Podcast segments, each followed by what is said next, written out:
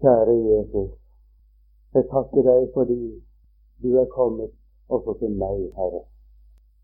Jeg takker deg, Herre, fordi du kommer til våre hjerter. Vi må bekjenne det at vi kommer aldri til selv å kunne klare å overvinne, vår eget, overvinne vårt eget hjerte. Vi kan ikke selv, Herre, klare å skape noen virkelig gudsfrykt hos oss. Og vi må bekjenne det at det er så meget i oss som strider imot deg. Så har du sagt det her at du vil bo i vårt hjerte. Du vil gjøre det til et tempel. Og vi skal få være et tempel for din hellige ånd. Og nå ber jeg deg, Herre, at du vil la det skje oss. Jeg ber om at du vil komme til oss nå, Herre. At du vil lede meg til det jeg skal prøve å si slik som vi har bedt deg om. Så legger vi fremdeles denne stund i dine hender. Amen. Det Guds ord som jeg skal få lese, det finner vi i Jakobs brev. Jeg skal lese først er det Jakob 1,18 og videre fra vers 21 i kapittel 1. Etter sin vilje, det vil altså si etter sin egen rådslutning som han fattet hos seg selv, har han født oss ved sannhetsord. Og Det betyr det er altså evangeliet, ordet om Jesus. Så fortsetter i vers 21. Avlegg derfor all urenhet og all levning av ondskap, og ta med saktmodighet imot det ord som er innplantet i eder, og som er mektig til å frelse eder sjeler. Men vær ordets gjørere og ikke bare dets hørere. Så i dårer er dere selv. Egentlig står det slik, slik at dere foregner dere. For dersom en er ordets hører og ikke dets gjør, da ligner han en mann som så på sitt naturlige åsyn i et speil. Han så på seg selv og gikk straks bort og glemte hvordan han så ut. Men den som skuer inn i frihetens fullkomne lov, og holder ved med det, så han ikke blir en glemsom hører, men gjerningens gjører. Han skal være salig i sin gjerning. Og Videre leser vi i kapittel 2 i Jakobs brev. Hva nytter det, mine brødre, om en har tro når han ikke har gjerninger? Kan vel troen frelse ham? Om en bror eller søster er naken og fattes føde for dagen, og noen av eder sier til dem, gå bort i fred, og varm eder og mett eder, men ikke gir dem det som legemet trenger, hva nytter det? Således òg med troen. Har den ikke gjerninger, er den død i seg selv. Men en kan si, du har tro, og jeg har gjerninger. Vis meg din tro uten gjerninger, så vil jeg vise deg min tro av mine gjerninger. Du tror at Gud er igjen. Du gjør vel. Djevlene tror det også, og skjelver. Og vil du vite det, du dårlige menneske? Dårlig betyr det er egentlig innholdsløs, dvs. Si du menneske som ikke har liv i Gud. At tro Troen uten gjerninger er unyttig. Dette ordet det er et vanskelig ord for mange. Det er vanskelig for mange ærlige sjeler, og det er vanskelig på mange andre måter. Ikke minst av den grunn at dette ordet er også blitt brukt som et våpen imot kristne mange ganger. Det blir sagt det at det er galt det å lære at mennesket blir rettferdiggjort ved troen uten lovgjerninger. Vi hører det står jo i Bibelen at troen uten gjerninger, den nytter ingenting. Den er ingen hjelp i. Det er ganske klart for oss at det som Jakob her taler om, det er noe ganske annet enn det som apostelen Paulus taler om i Romerbrevet. Den troen som Jakobs brev taler om her, og som han sier ikke er noe gagn i, og som er unyttig, dvs. Si som ikke kan hjelpe oss i vårt gudsforhold og ikke kan frelse oss, det er en helt annen slags tro enn den som vi ble minnet om her til å begynne med, at mennesket blir rettferdiggjort uten lovgjerninger ved troen på Jesus. Det kan se ut som et motsetningsforhold. Når det i Romerbrevets tredje kapittel står det at så holder det for at mennesket blir rettferdiggjort ved troen, uten lovgjerninger. Og videre kapittel fire Gud tilregner Han sier salig er den mann som Gud tilregner rettferdighet uten gjerninger, og som han ikke tilregner synd. Og altså det kan se ut som det skulle være en motsetning mellom det og så det som ordet sier her, at troen uten gjerninger, den er unyttig. Og hva hjelper det om en har tro når en ikke har gjerninger? Det er ganske klart at når vi ser disse ordene i forhold til hverandre, og det er jo det vi må gjøre Bibelen sier jo det at det er intet profetord i Skriften som er gitt til egen tydning. Det vil si, intet ord skal i Skriften tydes ut fra seg selv alene. For den hele Skrift, står det, er innblest av Gud. Og de hellige Guds menn talte drevet av Den hellige ånd.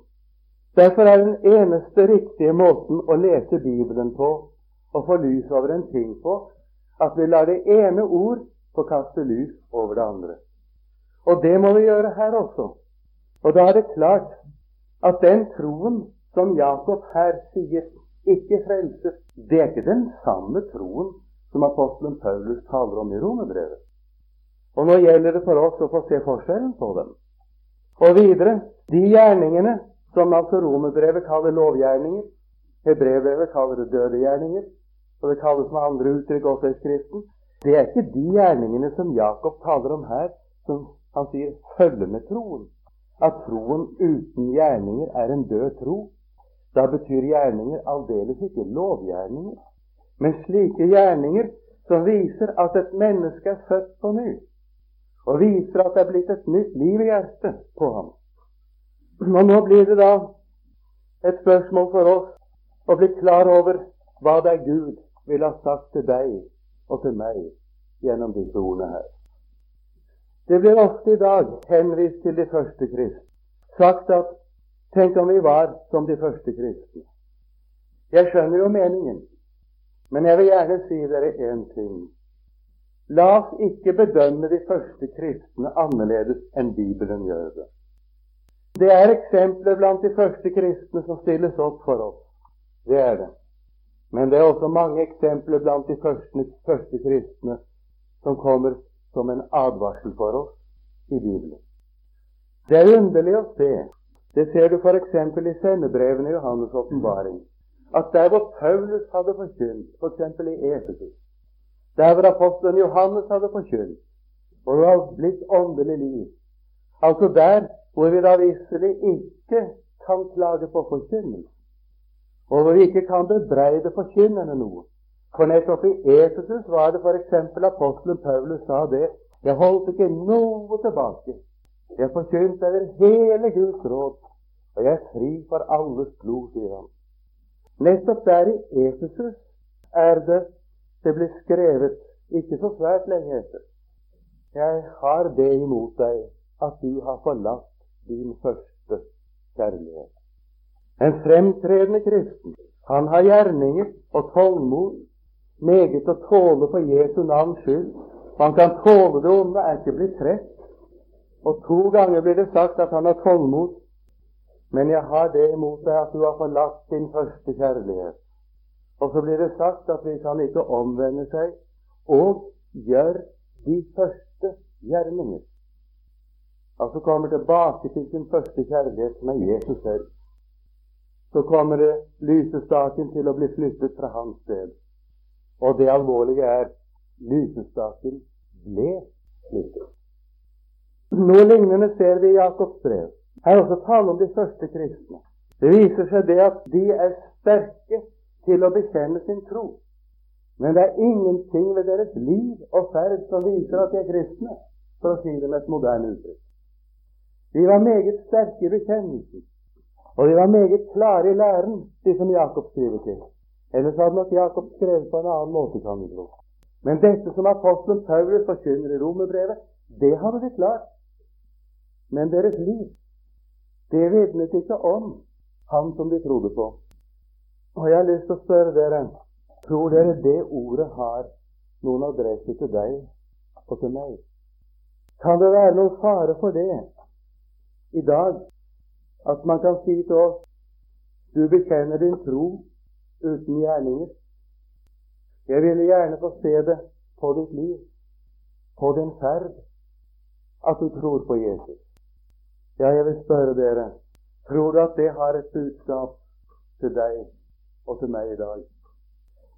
Jeg behøver bare å spørre, og jeg vet at det vekker mange slags tanker.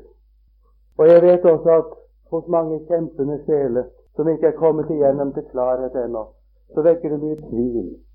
Og det er liksom det blir så vanskelig og ugreit for deg, og du spør deg selv ja, kan jeg i det hele tatt tenke på å bli en kristen og få det godt med Gud slik som jeg er? La oss nå prøve å stanse for ordet. Og husk på det, det er jo ikke noe som kommer fra meg, dette her. Og det er ikke noen slags form for noen som helst såkalt teologisk oppfatning. Det er det ikke. Dette står skrevet, ikke sant? Og det er jo i virkeligheten ingen andre enn Jesus selv som taler til oss gjennom det ordet Jakob skriver. Det kommer fra Herren. Du kan se det i Hebrevbrevets annet kapittel, hvor det står om Guds ords opphav. Det, det ordet som er talt ved Herren, står det, og stadfestet for oss av dem som hadde hørt ham. Det er Herren som er forfatteren. Det er hans budskap. Disse som har skrevet Det nye testamentet, de har jo bare formidlet det videre til oss. Og selv om Jakob, etter alt hva vi skjønner, ikke er apostel, det er antagelig menighetsforstanderne i Jerusalem, skjønt man vet ikke sikkert om det er apostelen Jakob, eller det er menighetsforstanderne i Jerusalem som har skrevet dette brevet. Ingen kan si det sikkert. Men det sannsynlige er vel at det er Herrens bror, altså Josef og Marias sønn Jakob, han som senere ble leder for menigheten i Jerusalem. I hvert fall er han et øyenvitne. Og det som er sikkert nok, det er at det er Herrens tale til oss han formidler. Og nå blir da spørsmålet hva mener han? Det vil si, hva vil Herren si til deg og meg? Her vil jeg få gjøre oppmerksom på noe som mange overser når de bruker Jakobs brev. Jeg kunne vel si når de misbruker Jakobs brev. Spesielt når Jakobs brev blir brukt som et argument imot troen på Jesus, at vi rettferdiggjøres ved troen alene, uten lovgjerninger. Og det er det som Jakobs brev bygger på. Skal vi forstå dette ordet, så må vi jo se på selve grunnlaget som ligger under alt sammen, og som det er skrevet ut ifra. Og legg merke til at Jakobs brev sier, som jeg leste først, etter sin vilje har han født oss ved sannhetsord. Det kommer igjen i Jakobs brev, som det kommer igjen overalt i Det nye testamentet, og som jeg skal få lov å komme tilbake til litt til slutt. Alt som heter åndelig liv, det skapes i vårt hjerte gjennom ordet om Jesus. Alt som heter åndelig liv. Alt som heter gjenfødelse, det skjer ene og alene ved evangeliet. Det var det Jesus henviste Nikodemus til, vet dere. Det taler apostelen Paulus om. Det leser du om i Peters brevet. Det leser du om i hvert eneste skrift i Det nye testamentet. Og det leser du om i Jakobs brev. Alt i Jakobs brev det er simpelthen bygget på den sannheten der at det er ordet om Jesus som føder oss til åndelig liv. Og det skjer etter Guds egen rådslutning. Og selv om jeg skal komme tilbake til igjen til slutt, har jeg lyst til alt nå å få lov å si til deg som kanskje her mangler den mest grunnleggende opplevelse for å være en kristen. Altså, la oss si det at du er ikke født på ny. Du vil være en kristen, men du er ikke født på ny. Så vil jeg gjerne ha sagt deg det at du skal vite én ting. Du passer sammen med Jesus. Det skal du vite. Og du skal vite at når du tar til ditt hjerte ordet om det Jesus har gjort for deg og er for deg, så gjør du intet annet enn det Gud har forutbestemt deg til å gjøre til frelse. På dette grunnlag er det ordet sier til oss avlegg derfor all urenhet og all levning av ondskap. Han taler altså om det gamle mennesket i oss. Du vet hvordan det er, du som er en kristen også. Om vi er født på ny, og om vi har fått gjøre den erfaring å ta imot Jesus og vet at han bor ved troen i vårt hjerte, så vet vi ikke minst nettopp derfor at vi har også det gamle mennesket. Sånne ting kan en kristen så lett legge av når han blir omvendt. Mange ting blir forandret i vårt liv, men du vet, det gamle mennesket er der. Og legg merke til sånne ting som egoisme, f.eks. Trangen til å være stor. Trangen til å hevde seg. Det er kjødet. Trangen til å gjelde for noe og bli sett opp til. Og urenheten, du. Den kan du ikke legge av deg om du altså kan la være å sette den i handling, og det er sikkert nok at det, kan en, det må en kristen. Man kan ikke være en kristen og gjete for det. Det kan man jo ikke. Så vet en at det sitter der i hjertet alt sammen. Og så sier ordet at ta med saktmodighet imot det ord som er innplantet i eder. Saktmodighet, det betyr et sinn som har satt sin lit til Gud. Et sinn som stoler på Gud. Det er å være saktmodig. Ta med saktmodighet imot det ord som er innsatt i, i eder, og som er mektig til å frelse eders sjeler. Her var det de hadde glidd ut, disse som Jakobs brev er skrevet til. Det alvorlige ved det er at dette er egentlig ikke skrevet til verdslige mennesker. Det er egentlig ikke skrevet til slike som fra først av var navnkristne. Naturligvis gjelder dette ordet alle navnkristne, også slike som aldri har vært kristne.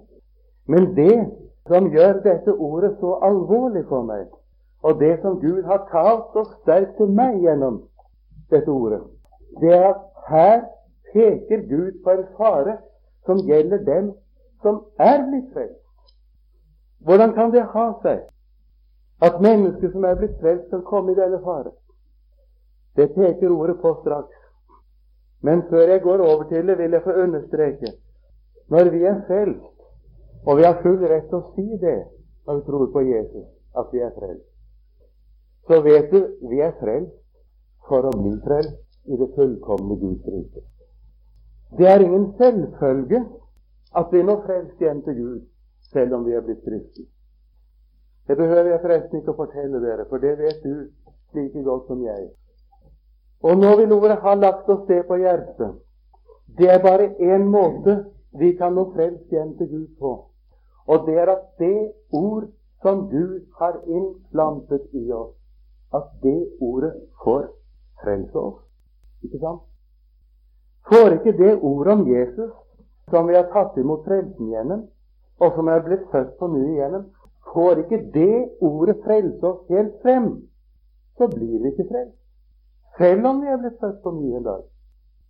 Her har du hva Jakobs brev vil ha sagt. Og da kommer altså det spørsmålet som jeg nevnte. Hva er det for en fare som lurer på en kristen her? Jeg kunne si det ganske kort, i en sum. Den faren som lurer på oss, er at vi kommer i et falskt forhold til Guds ord. Men her tales det ikke bare sånn i alminnelighet om det. Her tales det litt mer spesielt om det. Faren er den vær ordets gjøre, og ikke bare dets fører. Hvis du bare er ordets fører, og altså ordet ikke får virke det som Gud har sendt det til i ditt hjerte, og altså du da bekjenne deg som en kristen ut fra noe du vet, da foregner du deg, står egentlig i grunnteksten. Det er oversatt med 'da dårer du deg selv' altså bedrar deg selv. Men jeg vil si det er en veldig, god, veldig godt ord, det som grunnteksten sier der. Du foregner deg. Hvis du altså, og jeg Når jeg sier du, så mener jeg like meget meg selv, forstår du. Jeg står ikke her for å adressere noe til dere som ikke har passert mitt eget hjerte. Men jeg står her nettopp for å tale til dere akkurat da Gud har talt til meg.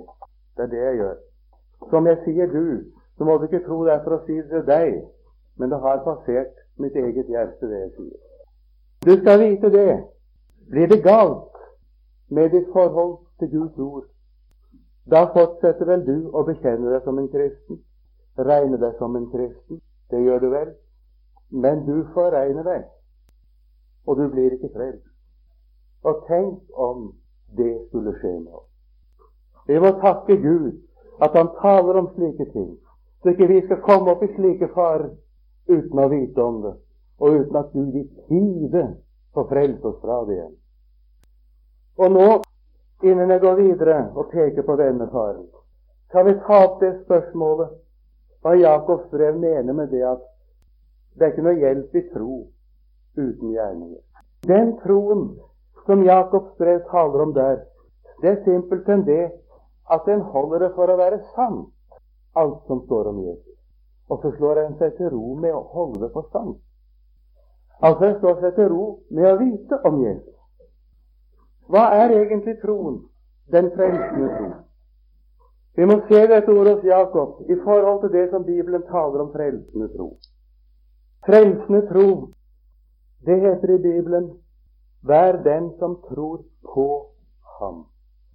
Så har Gud elsket verden, at Han ga sin sønn den enbårne, for at hver den som tror på Ham, ikke skal fortapes, men ha evig liv. Videre heter det i Johannes 3, vers 36, den som tror på Sønnen, har evig liv. Og i Romerbrevet 10 Den som tror på Ham, skal ikke bli til skamme. Og i hele tatt skal du legge merke til at den mest omfattende, men samtidig mest kortfattede karakteristikk av en kristen i Det nye testamentet lyder slik Den som tror på Guds sønn. Her ser du noe. Det er ikke det at vi tror, som frelser oss. Det er ikke det at vi holder det for sant. Og når Bibelen taler om det er troen som frelser, så er det bare i motsetning til lovgjerninger. Nei, det er ikke at vi tror, men det er ham vi tror på, ikke sant? Spørsmålet er hvem er det jeg tror på? Hva er det jeg setter min lit til? Hva er det jeg stoler på og regner med? Det er veldig godt, og det kan jeg ikke ta så meget tid til i kveld, men la meg peke på det. Det er veldig godt og få se på hva Bibelen sier om frelsende tro, der hvor det ikke akkurat kalles for tro. Bibelen er jo full av slike ord hvor det tales om frelsende tro uten at det akkurat kalles for tro. Tenk på slutten av Salme 37. Der står det Herren hjelper dem og utfrir dem og frelser dem. Han, frel, han utfrir dem fra de ugudelige og frelser dem fordi de har tatt sin tilflukt til ham. Altså Herren hjelper, utfrir, frelser. Ja, hvorfor? Fordi de har tatt sin tilflukt til ham. Og la meg parentes nevne det ordet gir svar på et meget viktig spørsmål som vi ofte får i sjelesorg. Det er mange som spør hvordan skal jeg vite at jeg blir med når Jesus kommer igjen? Hvordan skal jeg vite at dommen som kommer over verden, den skal ikke komme over meg? Jo, hør her. Det står her et løfte om Herren utfri dem fra de ugudelige og frelse dem. Det er nettopp det som skjer med de troende når Jesus kommer igjen. De blir da frelst ut fra de ugudelige. De blir ikke dømt sammen med de ugudelige. Og her ser du hva er det som gjør at han utfrir dem fra de ugudelige og frelser dem? Jo, fordi de har tatt sin tilflukt til Ham. Den som tror på Sønnen, har evig liv. Og Det er så underlig å se hva Jesus sier om det i Johannes evangeliets femte kapittel. Et ord som vi kommer tilbake til i forbindelse med møtet i morgen også i Stavanger, om Gud vil. Det står det Den som hører mitt ord og tror, altså med sitt hjerte fatter tillit til Han som har sendt meg, han har evig liv, sier Jesus og kommer ikke til dom. Han sier altså ikke at vi ikke skal fremstilles for dommen, for vi vet fra andre ord i Bibelen at alle mennesker, også de troende, skal fremstilles for Guds domstol. Men han sier de kommer ikke til dom. Det vil si, de som tror, blir ikke dømt i dommen, men frikjent. Jesus av andre steder har sagt at overfor englene og overfor sin Far i himmelen vil han vedkjenne seg at disse tilhører ham. De har evig liv. Og dommen, det blir ingen fordømmelse for dem. men det blir en stadfestelse på at de tilhører Jesus, og en inngang til det fullkomne Guds rike. Det som er kjennetegnet på denne frelsende troen, det er at troen det er ikke noe annet enn et uttrykk for forholdet mellom Jesus og meg. Jesus og den som tror. Troen er ikke noen prestasjon. Troen er ikke noen psykologisk faktor eller noen sjelelig kvalitet. Men den er hva man altså med et fremmedord kaller en relasjonsbestemmelse. I dette tilfellet den er et uttrykk for det sanne og riktige forhold mellom Jesus og oss. At vi har fattet tillit til ham, og derfor er vi frelst. Det kunne være mye å si om det, men nå kan jeg ikke komme inn på det akkurat i kveld. Men nå ser du Jakobs brev taler her om noe ganske annet. Han taler om det at man slår seg til ro med sin egen tro. Dels kunne vi godt si det sånn her er tale til dem som tror på sin tro. Tenk deg om, så vil du skjønne det. Tro på sin tro er ikke det samme som tro på Jesus. En kunne også si det den som tror på sin opplevelse. La være at opplevelsen er ekte, det er ingen andre som er utsatt for denne fare, egentlig, enn nettopp de som er født av Gud. Og Det er underlig å se at Bibelen taler til oss som er gjenfødt ved troen på Jesus, om denne spesielle fare, at vi tror på at vi har fått se frelsen istedenfor på Jesus selv. Der ser du, da blir det jo i virkeligheten til at vi tror på vår tro. Og det fører med seg at vår tro er ikke lenger en tillit til Jesus, eller uttrykk for et riktig forhold til Jesus. Men det er noe vi vet, noe vi holder for sant, og uten at vi forstår det selv, glir vi bort fra Jesus og foregner oss. Her har du ganske nøyaktig det som Jakobs brev sikter på. Og jeg må si det er et ord som har vært ustigelig alvorlig for meg. Det å holde for sant hva Jesus har gjort. Dette vanskelig. Og naturligvis gjelder dette ordet også dem som ikke har opplevd noen frelse i det hele tatt, og hele veien har slått seg til ro med å vite noe istedenfor å tro på Jesus. Det finnes naturligvis ikke så få mennesker i vårt samfunn som vet det som står om Jesus, og har tilegnet seg riktig kunnskap og de kan ha tilegnet seg nesten på en forbløffende måte stundom. Men det er, altså, det er noe som de har lært, rent tankemessig. Det er ikke noe som er kommet til deres hjerte, men det er noe de vet. Og så mener de at det er tro. Og det er klart at dette ordet det gjelder jo også alle slike. For det er jo nettopp å gli inn i det ordet her advarer oss imot. Du kan kjenne denne troen på en ting. Den virker ikke på livet. Det er det ordet her vil ha frem og si. Den er uten gjerning. Det som altså Bibelen beskriver, f.eks. i Galaterbrevet, åndens frukt kalles kjærlighet, glede, fred, langmodighet, mildhet, godhet, trofasthet, saktmodighet, avholdenhet. Altså dette nye sinn som ordet sier om at mot slik er loven ikke.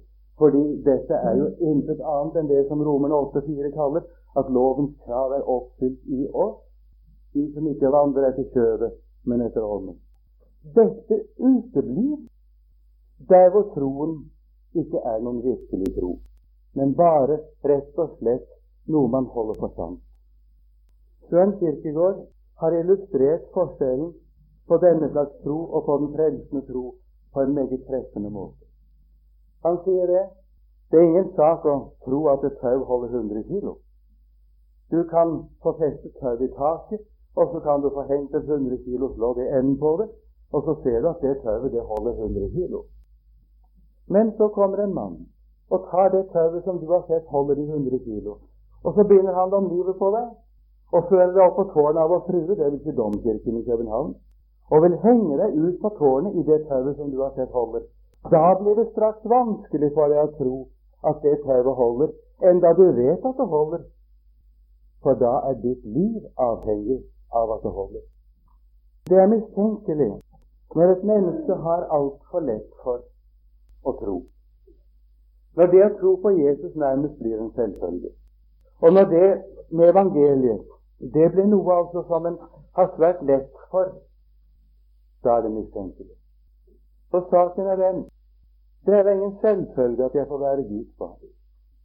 Og jeg må si det fra min erfaring det er ikke lett å tro på Jesus. Det volder kamp. Det er ikke noe jeg kan ta meg selv, at mitt hjerte fatter tillit til Jesus. Men det merker jeg også, at når hjertet fatter tillit til Jesus, så virker det på hele livet. Fordi det skjer noe i hjertet. Og ikke bare første gangen det kommer, eller ordet kommer til meg. Ikke bare første gangen Guds hellige ånd har fått åpenbare for hjertet hva jeg eier i Jesus, men det skjer hver eneste gang.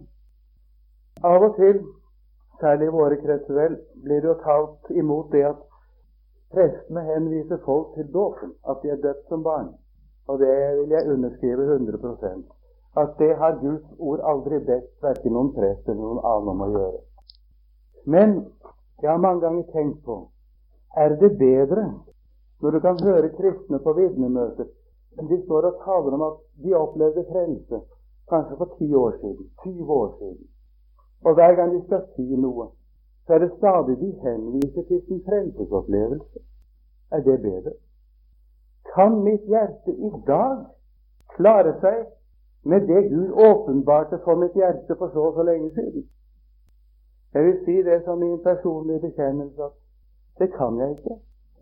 Jeg er avhengig av det ordet som jeg ble frelst til. Når en kristen, eller når et menneske blir en kristen, så får han et åndelig syn. Fordi det er noe Gud som åpenbarer for hans hjerte. Og det er nødvendig for å bli en kristen. Men hvis vi begynner å snakke om vårt syn Jeg talte aldri om synet mitt, som tenker på mine legemlige øyne, før jeg fikk en øyesykdom. Den som har et åndelig syn, han snakker aldri om at han har et åndelig syn. Men han snakker om hva han ser, ikke sant? Og det gjør vi jo med våre øyne. Vi går ikke omkring og forteller folk at vi har syn. Vi snakker om hva vi ser, ikke sant? Og slik er det i det åndelige. Det er noe jeg ser. Jeg ser meg selv. Det kaller altså Skriften lovens åpenbaring. Alt som viser meg hva synd er for noe. Alt som viser meg sannheten om meg selv. Jeg ser meg selv, og Gud har talt til mitt hjerte om meg selv i dag. Men Gud være takk, jeg ser også Jesus, og det er det som er min redning. Jeg har fått se ham, og der ligger det evige liv. Derfor har jeg ingen trang til å tale om mitt syn, men jeg vil forferdelig gjerne få lov å peke på ham som jeg har fått øye på, for han er også for deg. Men jeg vet om hvilken fare dette er. Jeg behøver ikke gå lenger enn til meg selv for å være klar hvor faren her ligger. altså. Det at en slår seg til ro med at han har fått et åndelig syn, slår seg til ro med at han har opplevd frelse, og så uformerket glir jeg bort fra Han som jeg nettopp ble knyttet til. Djevelen, han er ute etter oss. Kan han ikke få oss til å gå ut i verden for det får han ikke en ærlig kristen til, så prøver han å få oss til å bli tilfreds med vår egen åndelige opplevelse. Det er nødvendig med en åndelig opplevelse. Det finnes ikke kristendom uten den. Derfor, for en ærlig sjel kan det ikke nytte å prøve å få en til å slå seg til ro uten det. Men så prøver djevelen å få oss til å tro på opplevelsen istedenfor på Jesus. Eller om jeg skulle si det på den måten han prøver å skape en opplevelsesbevissthet i oss som ikke er ekte. Den grunner seg på noe Gud har latt oss oppleve. Og dette kan djevelen egentlig ikke oppnå hos andre enn de som virkelig har opplevd noe som Gud har latt dem oppleve. Men så prøver han å få oss inn i en bevissthet om opplevelse, som er slik at den fører to farlige virkninger med seg. Det ene er at den får en fordømmende og negativ innstilling overfor alle som ikke har opplevd det. Og det var jo ikke det vi skulle ha. Vi har jo opplevd frelsen for å komme den til hjelp som ikke har opplevd den. Den ene virkningen. Og den andre virkningen av denne farlige opplevelsesbevisstheten, det er at den fører mange ærlige sjeler inn i den farligste og alvorligste form for egenrettferdighet, nemlig opplevelsesforeldom. Den farligste form for lovforeldom er opplevelsesforeldom. Og den er nettopp ærlige sjeler utsatt for. Og jeg vil spørre dere har ikke dette ordet budskap til deg og til meg? Alt dette er intet annet enn tro uten gjerninger. En bevissthet om at man vet hva man har i Jesus, uten at det virkelig er det rette forholdet til Jesus. Og nå vil jeg ikke si mer om det. Nå vil jeg få lov å gå tilbake igjen til det viktige spørsmålet. Hva kan dette komme av? Hvordan kan det gå slik? Og hvordan kan jeg bli frelst fra å komme i denne faren? Og om jeg er kommet i den, hvordan kan jeg da bli frelst ut av denne faren? Og det er nå egentlig det som ligger meg på hjertet peke på. Begge deler svarer ordet på. Både hvordan en kan komme inn i den, og hvordan en kan bli frelst fra den. Og La oss nå ta det første. Hvordan kan det ha seg at en er kommet inn i denne faren? Jo, dersom du er ordets hører, men ikke dets gjører. Altså, du hører det uten at ordet får virke det i deg som det er sendt til. Da ligner du en mann som ser på sitt naturlige åsyn i et speil. Han så på seg selv og gikk straks bort og glemte hvordan han så ut. Det blir ofte sagt, og der tar man altså Jakobs brev liksom som et grunnlag for det, et bevis på det. Det er ikke nok å tro på Jesus, sier man. Du må også huske på hva du skal gjøre og være som kristen. Det er ikke det det står her. Verken kapittel 1 eller 2. Det er ikke det det står. Og jeg vil gjerne ha sagt dere den talen den er falsk. Grunnen til at det går galt, det er ikke det at man tror, og så glemmer at det er noe som skal gjøres i tillegg til troen. Det er ikke der feilen ligger. Og det sier jeg heller ikke i Jakobs brev. For er det slik at du har en tro som ikke har gjerninger med seg, så sier ikke Jakobs brev det at du må huske på at du ikke bare skal tro, men også gjøre gjerninger. Nei, det sier det ikke. Men det sier det.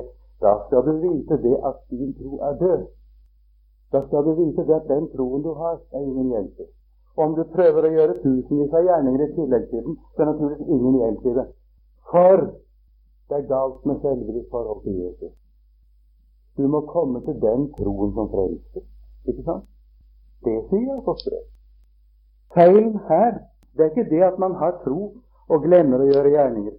Men feilen er den det er ditt forhold til Guds ord som svikter, som jeg sa til å begynne med. Det er noe galt med ditt forhold til Guds ord.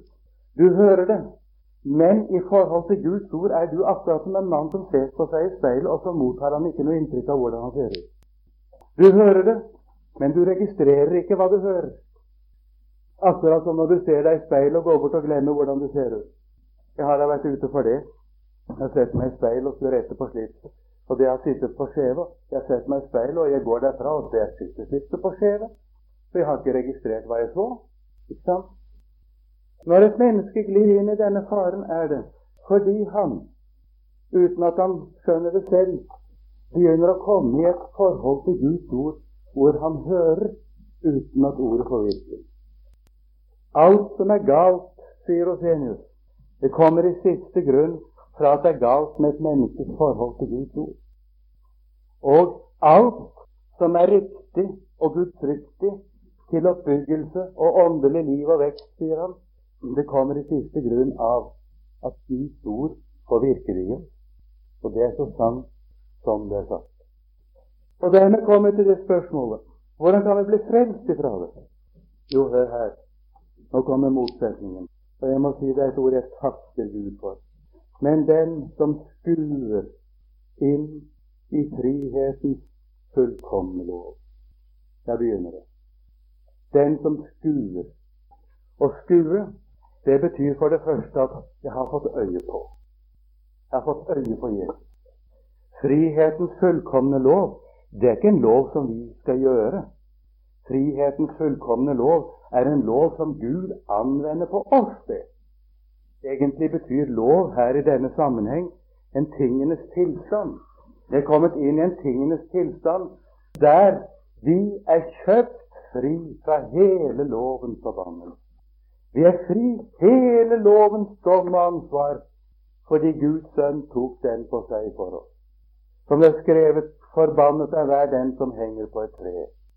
Han kjøpte oss fri fra lovens forbannelse. Det er det samme som det taler om i Romerbrevets åttende kapittel og vers 2. At livets ånds lov, står det, har Kristus Jesus frigjort meg fra syndens og dødens lov.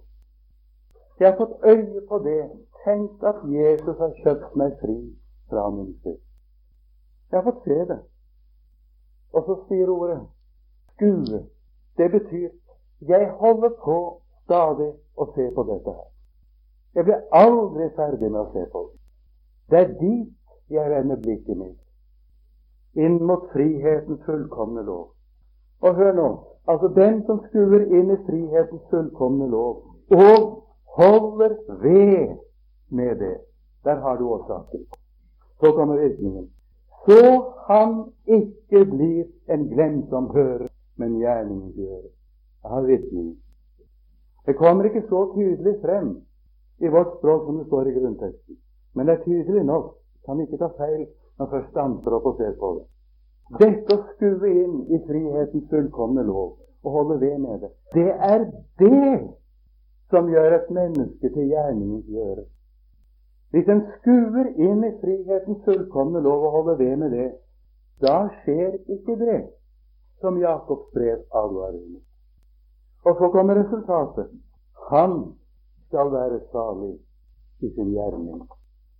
Det er jo en dagligdags erfaring at de inntrykk som går inn gjennom øynene våre, ørene våre, det er jo de som skaper vårt indre menneske. Ser du noe stygt, så blir du stygg. Og hører du noe urent, så blir du urent. Og ser du noe vakkert, så virker det godt på den menneskelige talen. Og så vet du, får du øye på Jesus, da begynner Jesus å virke i hjertet. Gjenfødelsen, sier Luther, den består i at et menneske kommer til troen på Jesus. Og det er så sant som det er sagt. Det er gjenfødelsen, det. Dette at hjertet begynner å fatte tillit til Jesus, det er gjenfødelse. I dagligtale bruker vi ofte gjenfødelsen om det nye sinn i en kristen, og det er ingen fare skjedd med det. For i det nye sinn, det kommer jo av gjenfødelsen. Men når vi skal ta det nøye, så ser vi Guds ord at gjenfødelsen består nettopp i det at hjertet fatter tillit til Jesus. Og det vil jeg gjerne få lov å legge dere på hjertet. Det er dette som skaper et nytt liv, rent menneskelig. Det skaper nemlig noe som vi, Det ordet står ikke akkurat i Bibelen, men det er likevel formet ut av Bibelen. Det skaper nådepinne. For intet har jeg fått det, for intet skal vi gi det, sier Jesus. Denne trangen til å få lov å være noe for andre mennesker fordi jeg har fått alt for intet i Jesus. Den følger med. Denne trangen kommer til å sette preg på ditt liv og din ferd. Det å se på Jesus, motta inntrykk fra Jesus, det fører det med seg som står i 2. Korintene 3,18. Vi som er utildekket åsyn ser Herrens herlighet i et speil, vi blir alle forvandlet til det samme bildet. Fra herlighet til herlighet som av Herrens ånd. Og det er der, skjønner du, det er der vår oppgave som kristne ligger. At vi, akkurat som Jesus, han representerer også Faderens høyre hånd ikke sant, overfor Gud. Alt vi trenger for Gud, er Jesus. På samme måte vil Jesus bruke deg og meg til å representere ham overfor våre medmennesker. Og vil du leve et lykkelig liv, så lev etter dette. Og da skal jeg si deg, da blir du frelst. Da er du frelst, og da blir du frelst. Og en ting da lever du ikke forgjeves. Det kan du stole på. Og så vil jeg til slutt få lov å komme inn på, som jeg nevnte Men et menneske som ikke ser frelsen, hva da? Hva skal jeg gjøre? For det første så vil jeg si deg det. Du skal ikke være redd for å innrømme at du ikke ser dem. Om du har bestemt deg for å bli en kristen, men du vet med deg selv du er ikke kommet til hjemmet. Det jeg gjerne har sagt til deg det at du har tatt den beste bestemmelsen du har tatt i ditt liv. da du tok bestemmelsen om å bli en kristen. Det skal du aldri angre på. Jeg skulle ønske alle mennesker hadde tatt bestemmelsen om å bli kristen, at de mente det. For da skulle jeg få noe å gjøre. Jeg lover dere. Du skal ikke tro at det er galt at du har bestemt deg til å bli en kristen. For sannheten er, og det skjønner du òg, og det har din samvittighet også sagt deg, det er den beste bestemmelsen du har tatt og kunne ta. Og er du sammen med Guds folk og leser i Bibelen og ber til Gud fordi du har bestemt deg for å være en kristen, så sier jeg bare Jeg har bare sett all din vilje bakom. Det er det beste du kan gjøre. Men du skjønner nok, dette er ikke det samme som å være omvendt. Det er det ikke. Og det skjønner du i ditt hjerte, ikke sant? Og det lever et spørsmål i ditt hjerte.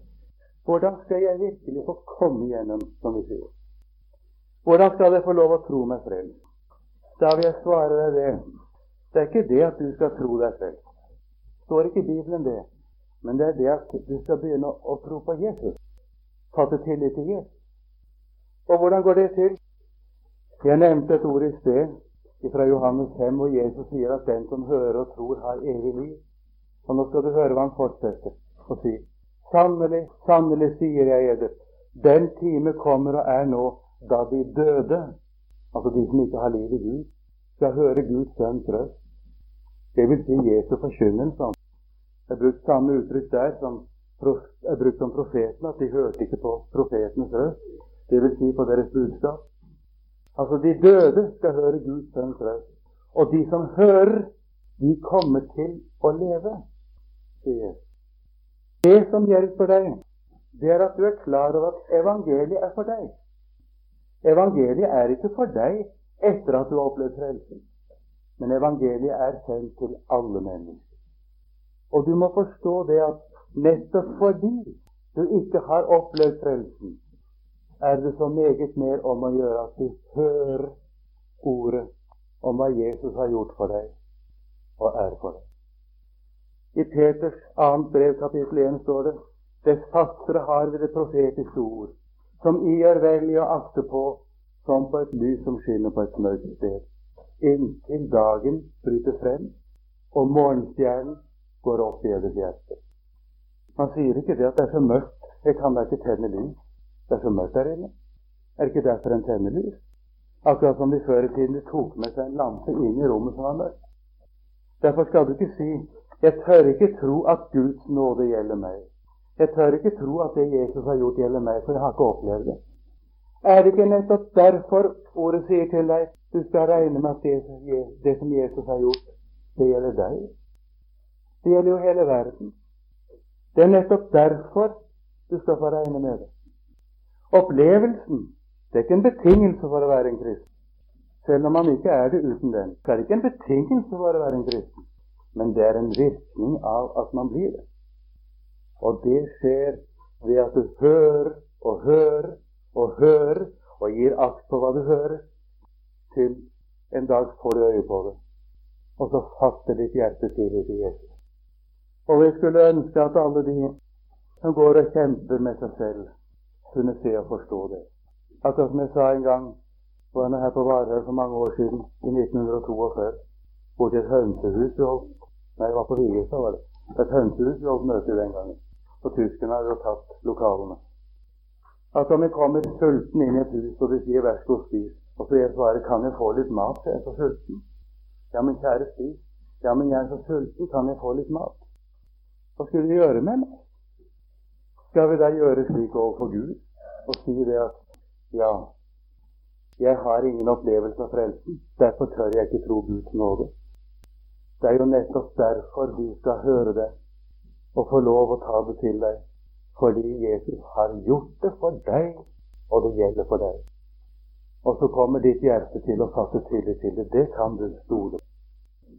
Og så kan du anvende det ordet. Den som skuer inn i frihetens fullkomne lov og holder ved med det. Så han ikke blir en glemt som hører, men gjerningens gjør. Han skal være salig i sin gjerning. Ja, kjære Jesus, jeg vil takke deg for dette ordet. Og så vil jeg be deg i ditt navn om at du som kjenner hver enkelt av oss, vil legge det inn i vårt hjerte og vårt sinn for ditt navn. Amen.